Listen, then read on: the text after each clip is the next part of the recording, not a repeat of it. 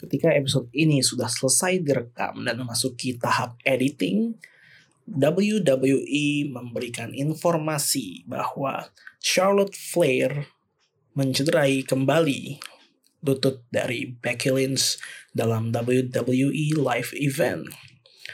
Cedera tersebut mungkin hanya bagian dari storyline, tetapi memancing reaksi negatif dari para penggemar. Bahkan ketika diumumkan sebagai pengganti Becky Lynch di WrestleMania nanti, Charlotte mendapatkan sorakan negatif dari para penonton. Looks like Charlotte Flair doesn't spark joy.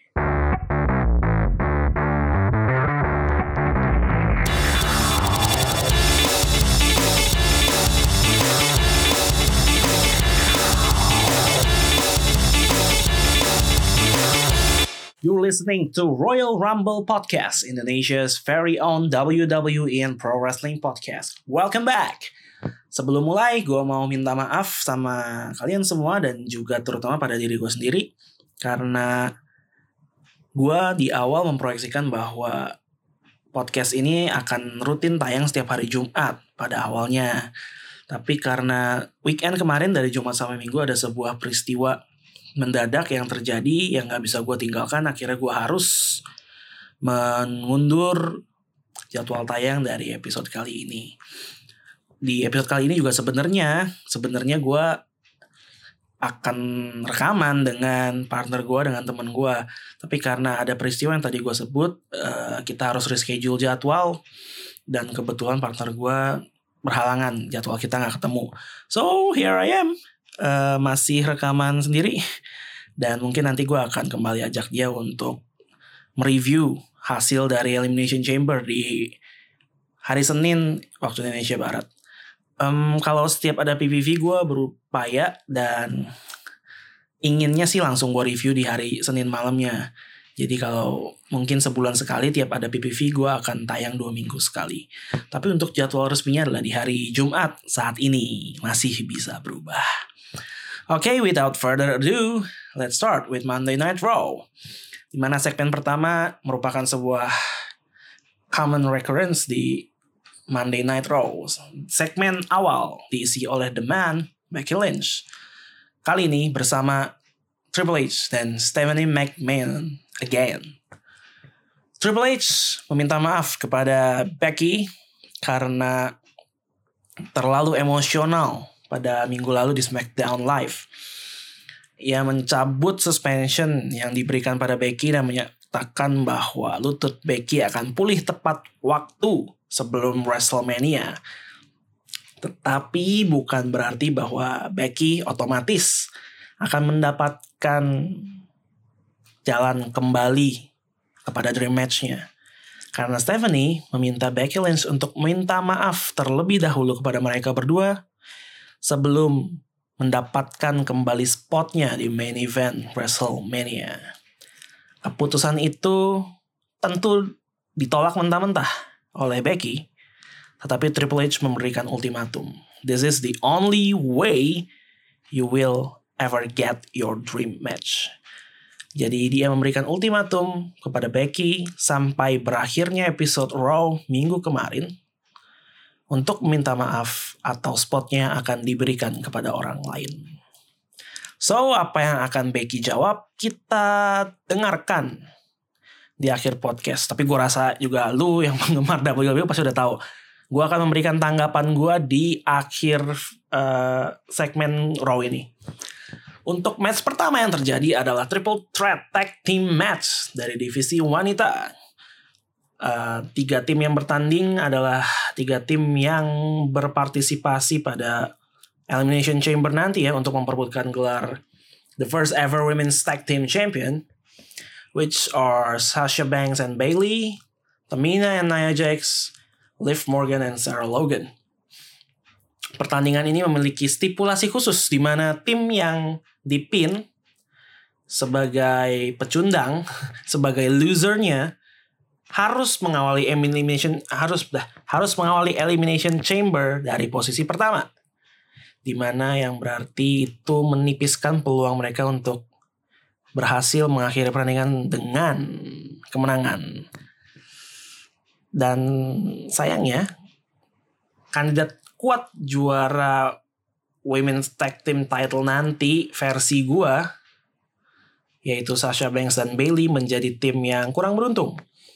Um, Bailey harus dipin oleh Nia Jax sehingga membuat tim Boss and Hager ini harus mengawali Elimination Chamber dari posisi pertama.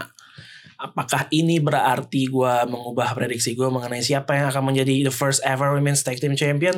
No, sama sekali enggak. Gue tetap merasa Sasha and Bailey yang akan diberikan kesempatan ini. Karena ini merupakan sebuah kehormatan dan juga penghargaan bagi mereka. Mereka seperti yang gue bilang di podcast yang lalu, telah bekerja keras merupakan salah satu bagian dari Women's Revolution dan mereka layak mendapatkan itu. Untuk Tamina dan Nia Jax, pemenangnya, mereka tetap diportray sebagai tag team yang dominan berkat ukuran dan kekuatan mereka. Hmm, terutama Nia di sini. Dan di Elimination Chamber nanti menurut gua tetap akan menjadi rintangan utama bagi Sasha dan Bailey maupun para tag team lainnya untuk bisa mengakhiri laga dengan sabuk juara. Uh, tapi seperti yang gue bilang, tetap Sasha and Bailey sih, Tamina dan Nia Jax. Walaupun diportray sebagai tim yang nyaris tak terkalahkan, tapi ya yeah, look at Braun Strowman diportray se sebagai kekuatan yang begitu dominan, tapi apakah pernah sabuk juara ia pegang? paling cuma yang tag team title bareng Nicholas dan itu pun nggak lebih dari sekedar gimmick untuk lucu-lucuan menurut gue. Hmm, jadi menurut gue ya yeah, we'll see. Um, di mana SmackDown Live mengirimkan tiga wakil juga yang gue rasa nggak ada kandidat kuatnya. Jadi dua kandidat kuatnya adalah ada di Raw.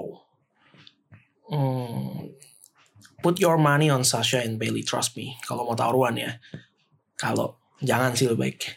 Oke, okay, next is Luca House Party and Elias dalam sebuah segmen musik super absurd setelah sebelumnya Elias diganggu oleh promo dari uh, lupa Becky Lynch dan Finn Balor kalau nggak salah.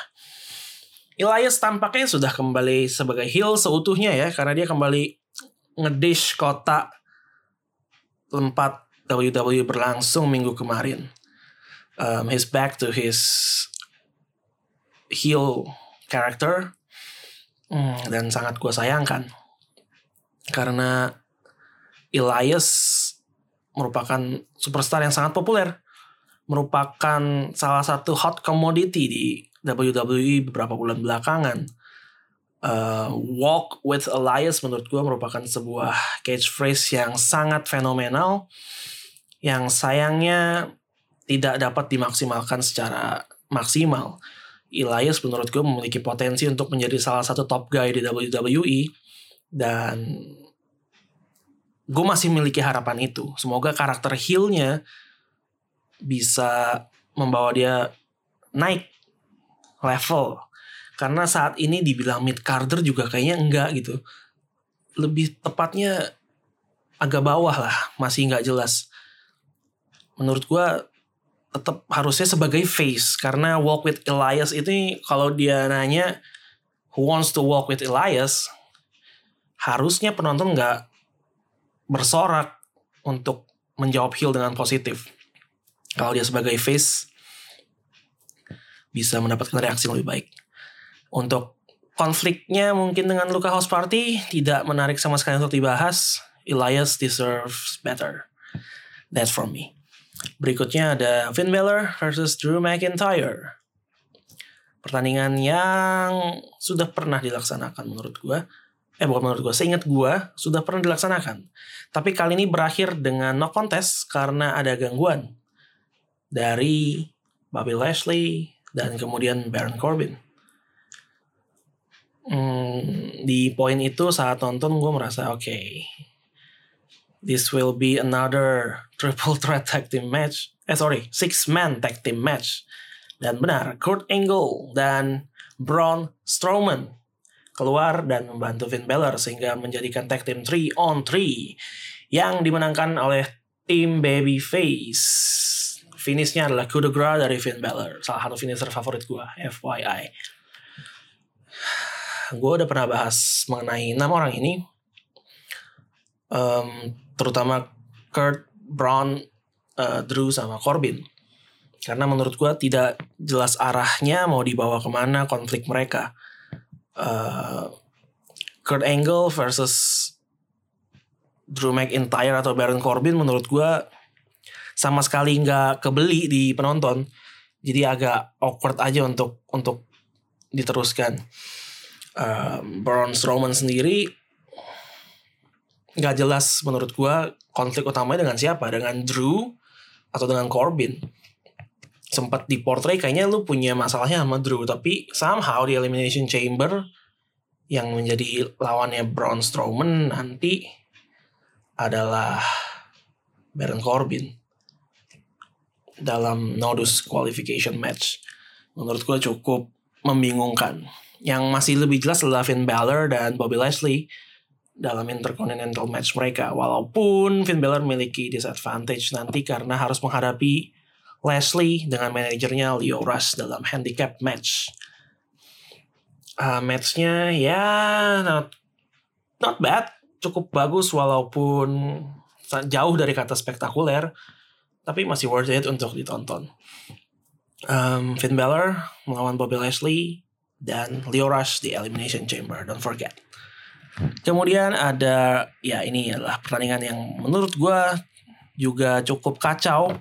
Kacau dalam artian nggak jelas arahnya mau dibawa ke mana. Yaitu Ruby Riot dan Nikki Cross.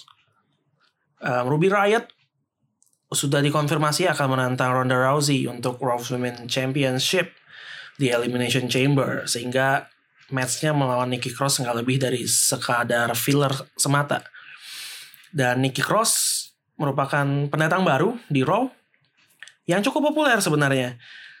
Makanya menurut gue cukup aneh kalau dia diberikan kekalahan pada saat ini karena dia butuh kemenangan saat ini untuk membangun namanya.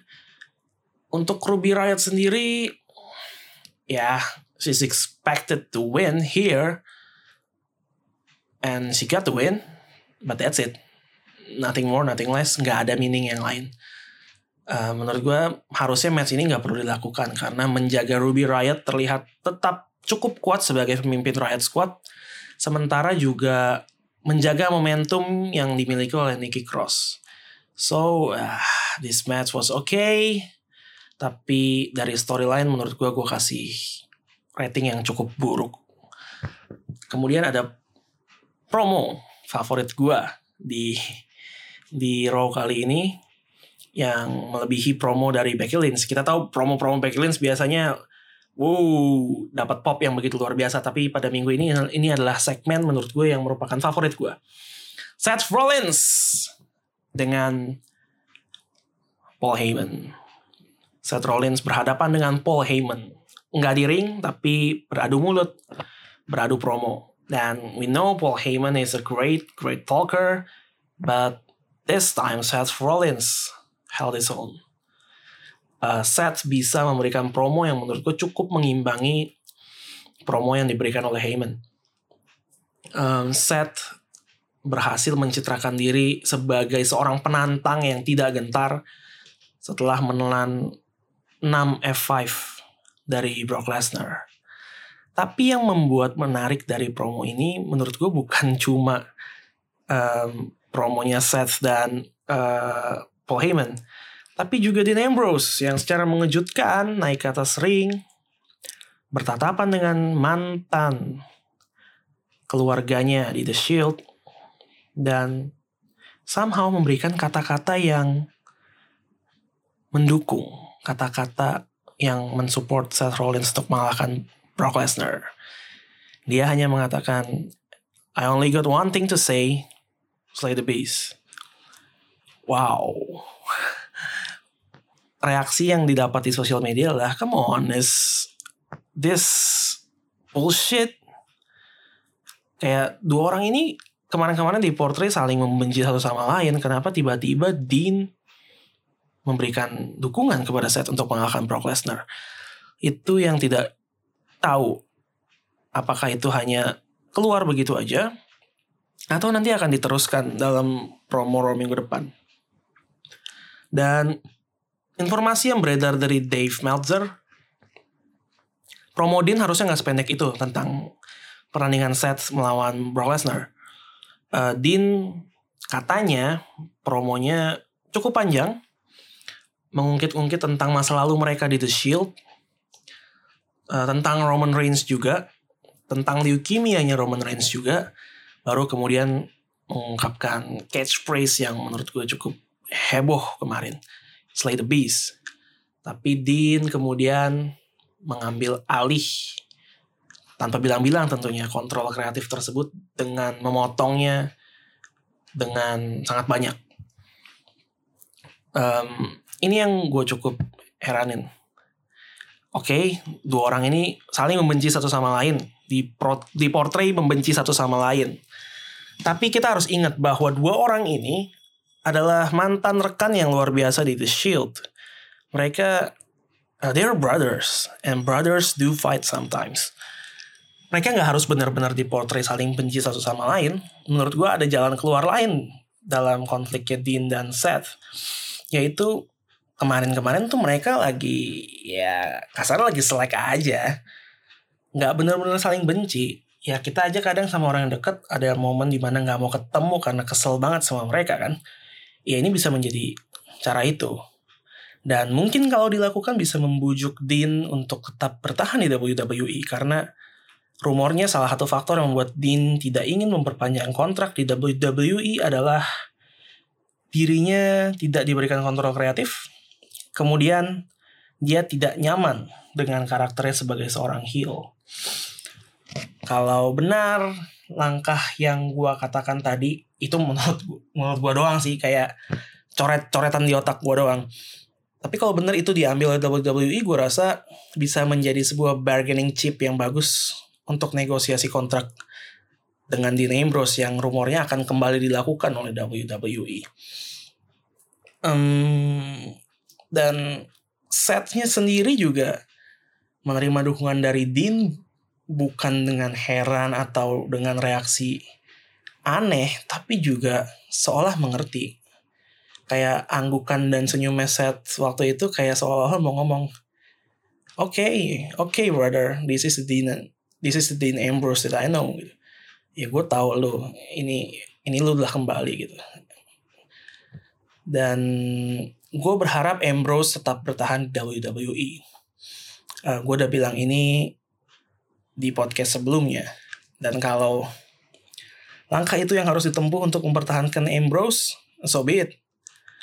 Lakukan. As long as Dean stays, I will be happy. Karena Dean adalah salah satu dari sedikit orang di WWE sekarang yang memiliki kemampuan promo kemampuan mic skill yang impresif. Dia bisa sangat engage dengan penontonnya. So we will hope Dean Ambrose stays. And then we go ahead to his match menghadapi EC3 yang di pekan lalu mengalahkan dia dalam singles match. Kali ini match mereka berakhir dengan hasil yang berbeda karena Dean berhasil meraih kemenangan. Yang mana menjadi sebuah langkah yang aneh lagi. Matchnya berjalan dengan dominasi seorang EC3. Pendatang baru dari NXT yang dinaikkan kelasnya ke Raw. Dean berhasil mencuri kemenangan dengan roll up pin. Dan ini menjadi hal yang membingungkan karena EC3 momentumnya lagi naik kemudian dibuat kalah Sedangkan Dean dibuat lemah dalam dua match, tapi kemudian meraih kemenangan. Menurut gue, oke okay, WWE punya rencana nggak sih tentang konflik dua orang ini? Kalau nggak punya rencana, udah nggak usah dipaksain lah, karena gue sama sekali nggak nggak tertarik untuk mengikutinya jadinya. Kayak nanggung, serba nanggung dan nggak ada konflik yang jelas antara mereka. Kayak seolah-olah dia cuma nyari gara-gara di awalnya di The Moment of Bliss semata itu doang jadi lebih baik oke okay, gak usah dilanjutin brainstorming lagi lah superstar Raw cukup banyak walaupun banyak yang cedera juga tapi masih bisa harusnya untuk mencari sesuatu yang lebih baik untuk kedua orang ini. Uh, gue mendengar hal-hal baik tentang EC3 di NXT, walaupun gue jarang melihat dia secara langsung. Uh, Dean Ambrose, seperti yang gue bilang tadi, he's good, he's one of the top guy in WWE, so both deserve better. Nggak booking sampah seperti ini. Ya kita lihat aja abis Elimination Chamber, what is WWE have in store for them. And next, the most fantastic result of the weekend. Man, we got a new Raw Tag Team Champion, The Revival. Say yeah. Akhirnya, seperti yang gue bilang di podcast minggu lalu, The Revival harus menjadi juara tag team. Saat ini juga, they deserve it so bad. Dan they got it. Um, berhasil merebut gelar juara dari Bobby Roode and Chad Gable. Yang di luar dugaan gue, matchnya berlangsung sangat menarik. Um, gue cukup um, pesimis tadinya bahwa match yang ditampilkan ada uh, akan cukup menarik. Gue nggak meragukan The Revival. Menurut gue adalah tag team terbaik di Raw saat ini. Uh, they are a great heel tag team. Cara mereka tampil di ring juga menunjukkan itu. Yang gue agak khawatirkan adalah Root and Gable. Tapi di match ini mereka bisa menunjukkan bahwa sebagai sebuah unit mereka bisa bekerja dan bekerja sama dengan baik. Uh, apakah ada faktor The Revival juga yang mengangkat performa dari Root and Gable? Mungkin. Tapi kredit juga ingin gue berikan kepada Root and Gable atas performa di ring yang luar biasa. Dan ya semoga The Revival bertahan cukup lama sebagai juara ya karena kalau cuma sebentar mungkin jadi mengonfirmasi apa yang rumor katakan. Jadi ada rumor yang beredar mengatakan kalau Vince saat ini cukup ketakutan oleh AEW karena ada banyak superstar yang mengajukan re, uh, mengajukan resign dari WWE. Salah satunya The Revival. Karenanya sebagai respons The Revival diberikan kesempatan sebagai juara tag teamnya Raw. Nah ini yang membuat gue agak was-was jangan-jangan ya dikasih aja ya udah nih gue kasih abis itu ya udah lu stay abis itu gue copot lagi semoga nggak kayak gitu karena The Revival menurut gue bisa menjalani title run yang sangat menarik mungkin konfliknya sama Root and Gable nggak berhenti sampai sini walaupun kita tahu sekarang nggak ada nggak ada rematch clause ya yang dimiliki oleh mantan juaranya. Tapi gue nggak merasa konflik dua tag team ini sudah selesai dan masih akan berlanjut. Kalau kualitas match yang ditunjukkan adalah seperti Monday Night Monday Night Raw di 11 Februari kemarin, gue sama sekali nggak keberatan kalau konfliknya Root and Gable melawan The Revival dilanjutkan sampai sampai mungkin maksimal face line nanti. Dan ya Root and Gable gue masih tetap berpikir bahwa mereka sebaiknya single saja. Tapi melihat chemistry mereka kemarin kayaknya ya stay lebih lama jadi tag team boleh juga lah sambil menunggu kebangkitan tag team Raw lainnya. Semoga juga dengan revival menjadi juara bisa mengangkat harkat dan martabat tag team lainnya di mata Vince. The Ascension kesian, AOP ke mana sekarang? Apakah ada yang cedera? Gue gue kurang tahu. Tapi kalau nggak ada yang cedera, well, they are very very dominant in NXT. Tapi sekarang udah nggak kelihatan lagi di Raw. So congratulations to revival. Shatter Machine still one of my most favorite finisher in WWE of all time. Next, Becky Lynch di segmen terakhir. Apakah dia akan minta maaf atau tidak? Jawabannya seperti yang kalian ketahui, ya dia minta maaf kepada Triple H dan Stephanie. Karena kata dia, kalau cuma dua kata ini yang memisahkan gue dengan mimpi gue melawan Ronda Rousey, gue katakan dengan mudah, I'm sorry. And then, the boss came. Oh, bukan Sasha Banks, the boss of WWE, Vince McMahon. Vince nggak terkesan sama sekali dengan perilaku Becky selama beberapa minggu terakhir dan dia memutuskan untuk memberikan suspension kepada Becky selama 60 hari yang baru berakhir kalau dihitung beberapa hari setelah WrestleMania.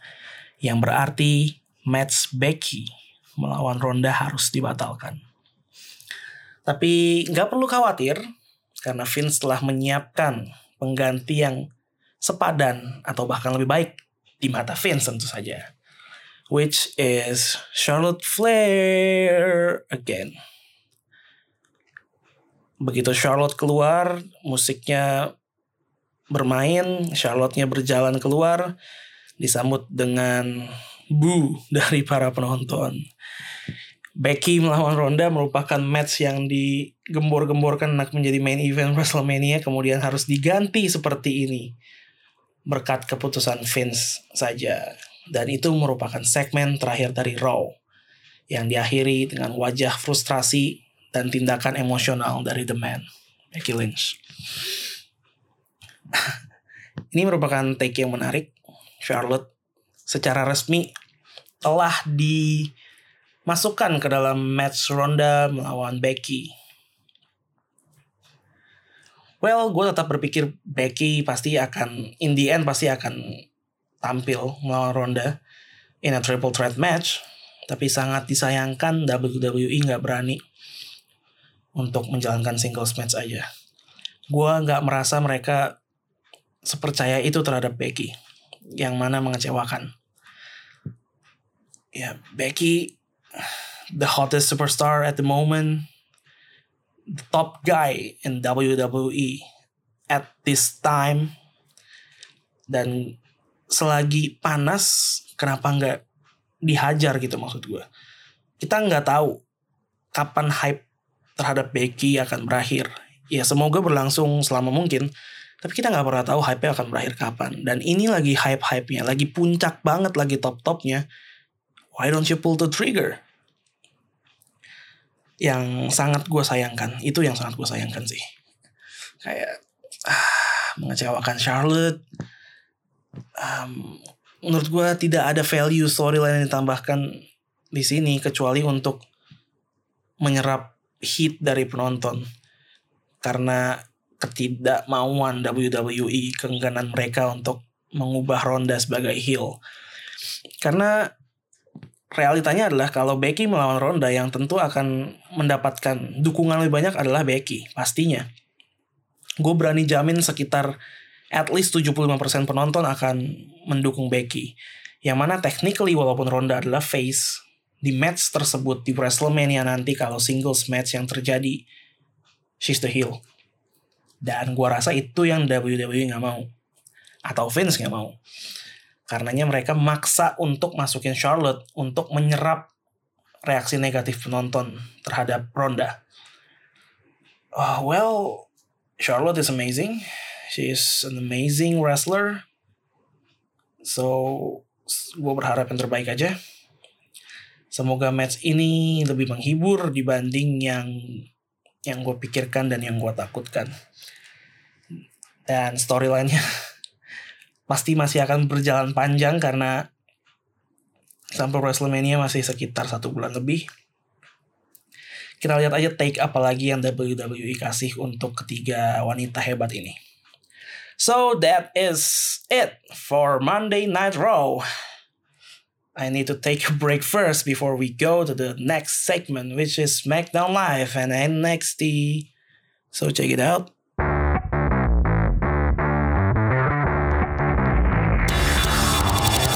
Sebuah kejutan yang menyenangkan terjadi di SmackDown Live pekan lalu, di mana Kofi Kingston yang berstatus sebagai pengganti dari Mustafa Ali di Gauntlet Match berhasil menampilkan suatu performa yang sangat impresif.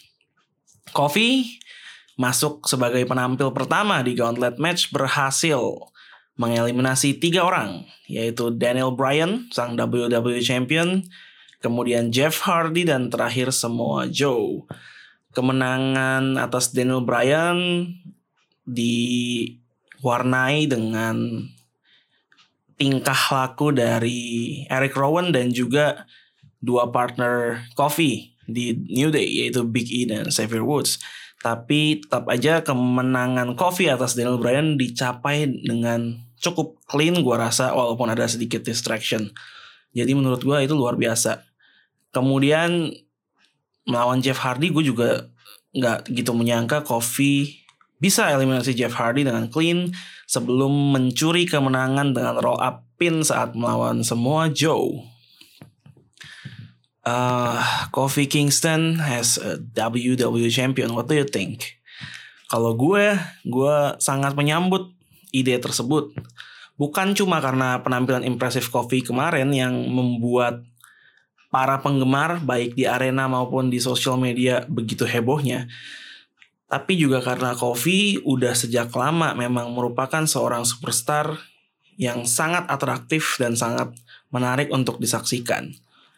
Uh, dia juga merupakan seorang veteran, uh, seorang superstar yang loyal terhadap WWE dan karirnya juga sudah cukup panjang. Mungkin masanya berada di puncak performa cuma tinggal dua atau maksimal tiga tahun lagi dan menurut gue layak sekali untuk diberikan kesempatan sebagai seorang juara kasta teratas yaitu di SmackDown Live adalah WWE Championship. Um, tapi gue sadar kalau WWE ragu untuk pull the trigger. Karena ya Kofi is part of a new day. He's a tag team specialist. Tapi kalau nggak jadi juara, seenggaknya gue ingin melihat Kofi diberikan peluang atau kesempatan untuk setidaknya terlihat kuat sebagai single superstar because he deserves it. Um, ya walaupun kecil sekali kemungkinannya gue tahu, Uh, tapi ini adalah harapan gue dan juga harapan banyak orang sepertinya. Di mana di Twitter udah banyak sekali yang menyuarakan Kofi Kingston as a WWE champion. Tapi gue berani bilang mungkin 95% ini gak akan terjadi. Semoga aja gue salah. Kita kembali ke gauntlet matchnya. Uh, di mana Kofi setelah mengeliminasi semua Joe justru mendapatkan serangan dari lawan yang baru dieliminasi. Samoa Joe kita tahu dengan kekalahannya dari Mustafa, oh sorry pas di Royal Rumble waktu dieliminasi Mustafa Ali juga melakukan hal yang sama. Uh, dia sebagai heel tidak terima kalau dikalahkan dengan tanda kutip mudah dengan cara seperti itu sehingga kemudian menyerang membabi buta yang ditujukan kepada Kofi Kingston. Beruntung AJ Styles datang menyelamatkan Kofi uh, dan berhasil mengusir semua Joe dari ring. Uh, dengan fisiknya yang sudah kepayahan ia bertahan sekitar lebih dari 50 menit di gauntlet match. Sebuah torehan yang impresif dan menurutku penampilannya bisa disamakan dengan Seth Rollins ketika bertahan selama 65 menit dan mengeliminasi Roman Reigns dan John Cena di Raw tahun lalu. Uh, dengan fisik yang sudah terkuras dan juga sudah cukup kepayahan akibat serangan semua Joe masih ngotot ingin melanjutkan pertandingan namun AJ Styles sebagai lawan Kofi berikutnya ragu sempat menolak juga walaupun akhirnya setelah diprovokasi oleh Kofi sendiri AJ bersedia untuk bertarung dan akhirnya mampu mengeliminasi Kofi Kingston dengan sebuah calf crusher. AJ Styles sendiri kemudian nggak bertahan lama sebagai the last man standing karena kemudian Randy Orton hadir di ring dan memberikan RKO of out of nowhere. Dan kemenangan Orton di gauntlet match pekan lalu memastikan bahwa The Viper akan menjadi kontestan terakhir di Elimination Chamber sekaligus memperbesar peluangnya untuk menang. Apakah ini berarti Orton akan menjadi juara WWE uh, yang merupakan titlenya yang ke-14? Gue rasa enggak. Uh, karena gue udah pernah bilang ini di podcast sebelumnya, tapi gue rasa Daniel Bryan akan kembali retain the title dan akan terus mempertahankannya sampai WrestleMania nanti. Uh, kemungkinan kedua mungkin adalah dikembalikan kepada AJ Styles. Sebenarnya gue sempat mikir mungkin akan diberikan sementara kepada Mustafa Ali karena sedang naik daun superstar baru yang lagi ingin diorbitkan sepertinya. Tapi cederanya Ali digantikan oleh Kofi. Gue gue suka banget sama Kofi yang seperti yang gue bilang tadi. Tapi Kofi kan statusnya tetap sebagai seorang pengganti. Jadi mungkin tidak ada dalam rencana jangka panjang di WWE Championship Title Picture.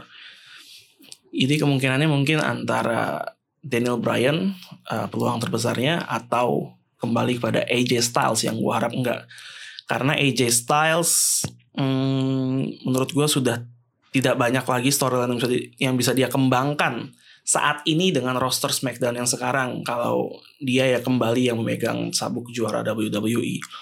Mungkin setelah shake up nanti ada potensi booking dan konflik yang baru untuk AJ yang bisa dieksplorasi.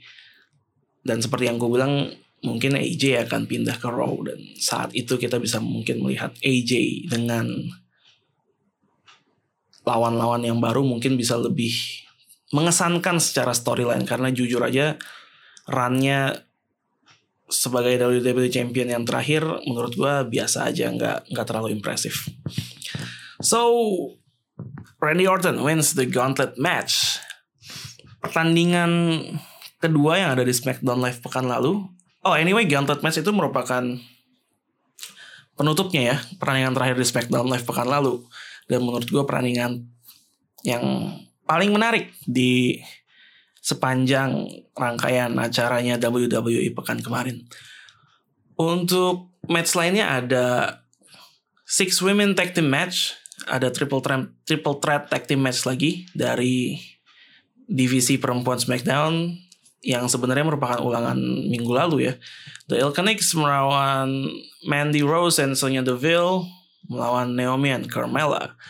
Cuma perbedaannya ada stipulasi khusus di mana berkebalikan dari uh, triple threat tag teamnya di Raw kali ini tim yang berhasil melakukan pin dan meraih kemenangan akan memasuki elimination chamber di urutan paling terakhir dan pertandingannya dimenangkan oleh Naomi dan Carmella di mana Naomi membalas dendamnya pada pekan lalu dengan kali ini berhasil melakukan pin terhadap Mandy Rose.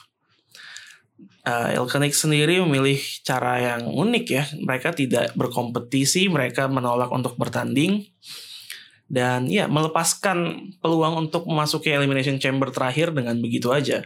Walaupun setelah Naomi dan Carmella ditetapkan sebagai pemenang, Peyton Royce dan Billy Kay masuk ring dan menghajar kontesan yang masih tersisa membuat The Elkenics sebagai last women standing di ring dalam pertandingan ini.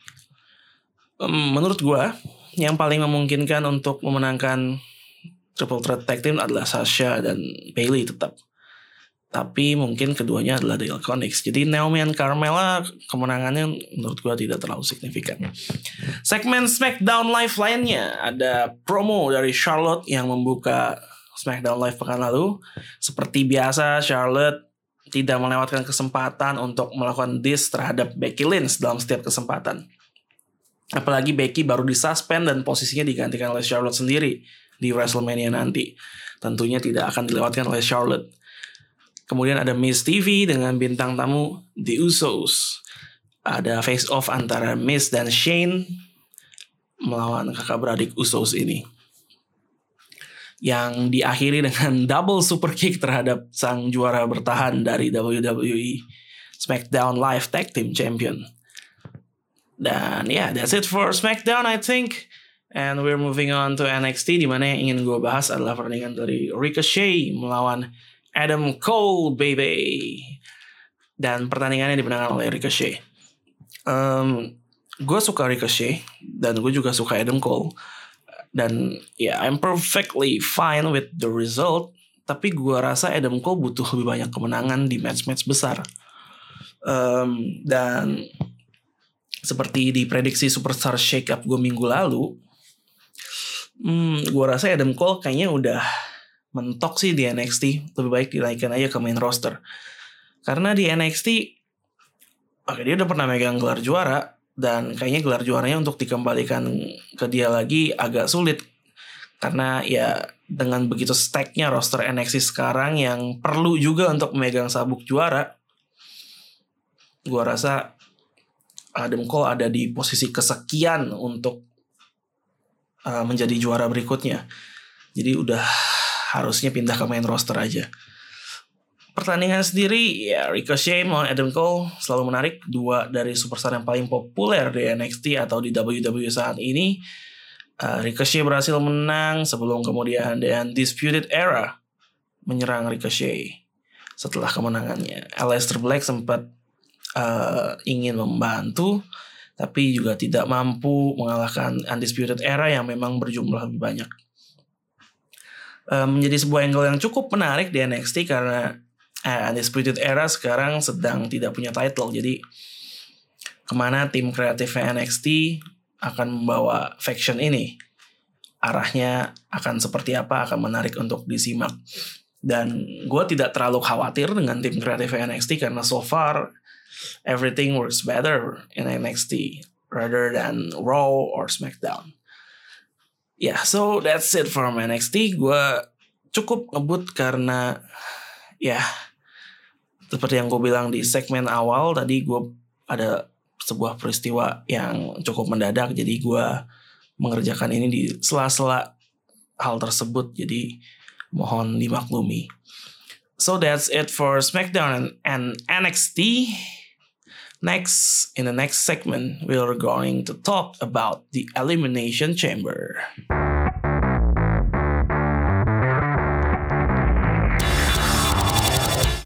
ada beberapa match di Elimination Chamber yang cukup menarik perhatian gue. Salah satunya adalah match antara Cruiserweight Champion Buddy Murphy menghadapi Akira Tozawa yang ditempatkan di kick-off show-nya ya, di pre-show-nya. Uh, Buddy Murphy adalah seorang superstar cruiserweight yang luar biasa. Dan seperti kayak gue udah pernah bilang juga deh, kayaknya dia tinggal nunggu waktu untuk dipanggil ke main roster. Uh, jujur saat ini gue nggak melihat kemungkinan kemenangan untuk Akira Tozawa. Tapi seperti yang Tozawa bilang sendiri bahwa dulu saat Neville menjadi juara cruiserweight nggak ada yang menyangka juga dia akan bisa mengalahkan Neville. Tapi it happened. Uh, pernah terjadi.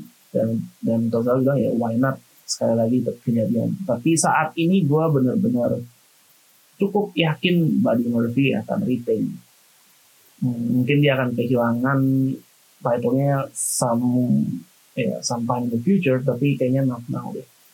Mungkin di, di WrestleMania, tapi gue juga nggak tahu pada siapa karena saat ini di 205 Live belum ada nama yang cukup besar untuk mengambil alih title juara dari Buddy Murphy. Uh, match berikutnya yang cukup menarik perhatian gue adalah The Miz melawan Shane eh The Miz and Shane melawan The Usos. Well, ya yeah, Miz and Shane kemungkinan besar akan retain. Walaupun gue masih agak ragu dengan caranya. Karena heelnya di match ini adalah The Usos kan. Walaupun saat ini Usos kayaknya heelnya nggak terlalu heel. Lebih ke uh, lebih mirip face. Kayaknya the face mungkin The Usos sekarang. Dan Miz dan Shane McMahon sendiri juga merupakan face saat ini. Jadi secara uh, di atas kertas ya harusnya The Usos yang lebih kuat. Mereka adalah salah satu tag team terbaik di WWE saat ini. Sedangkan Miz dan Shane merupakan tag team gado-gado yang justru kemenangan mereka sebagai juara waktu itu cukup mengejutkan. Jadi di atas kertas The Usos lebih kuat, ya makanya menarik untuk diikuti Miz and Shane akan menang dengan cara apa? Hmm, mungkin ada keberunt faktor keberuntungan atau kalau kecurangan gue nggak yakin karena mereka face ya yeah, but that's exactly why this will be uh, an interesting match ke mana kreatifnya WWE akan mencari cara untuk membiarkan mereka tetap retain sebelum akhirnya kita tahu akan pecah kongsi juga dan next match ada Bobby Leslie dan Finn Balor yang memperebutkan gelar Intercontinental Championship. Uh, actually nggak hanya Bobby Leslie tapi dia akan ditemani oleh manajernya sendiri Leo Rush di ring. Jadi Finn Balor menghadapi handicap dua lawan satu. Apakah Demon King akan muncul? Um, I don't know. Gue harap ya karena gue sangat menyukai persona Demon Kingnya Finn Balor.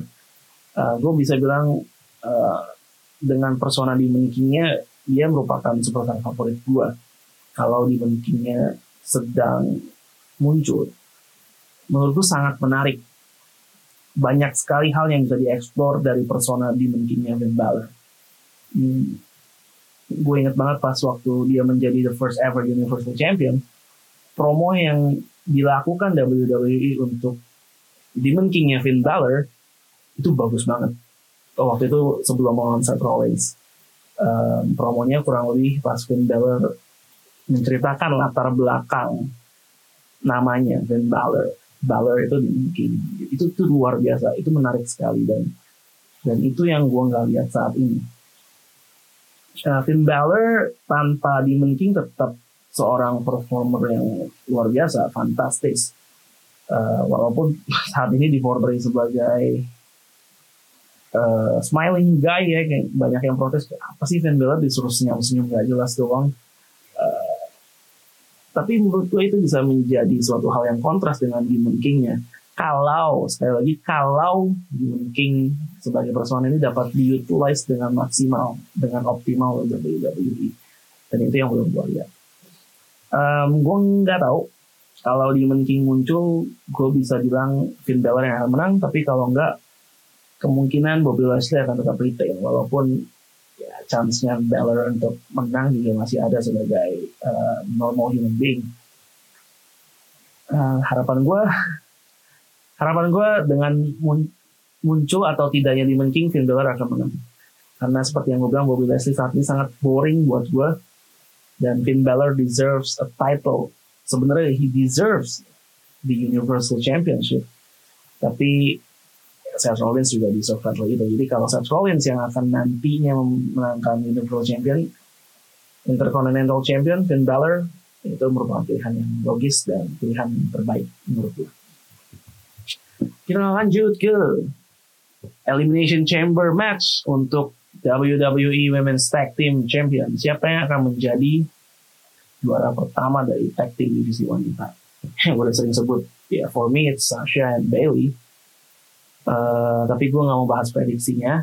Tapi gue lebih tertarik untuk membahas apa yang akan terjadi di dalam Elimination Chamber-nya sendiri.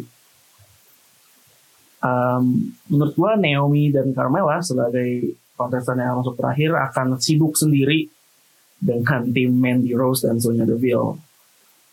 Ya Naomi akan bercakar-cakar dengan Mandy dan partnernya kemungkinan akan membantu Kemudian The Electronics, gue nggak tahu apa yang akan mereka lakukan. Karena taktik mereka kemarin cukup cukup brilian. Ya nggak brilian-brilian amat, cukup unik lah.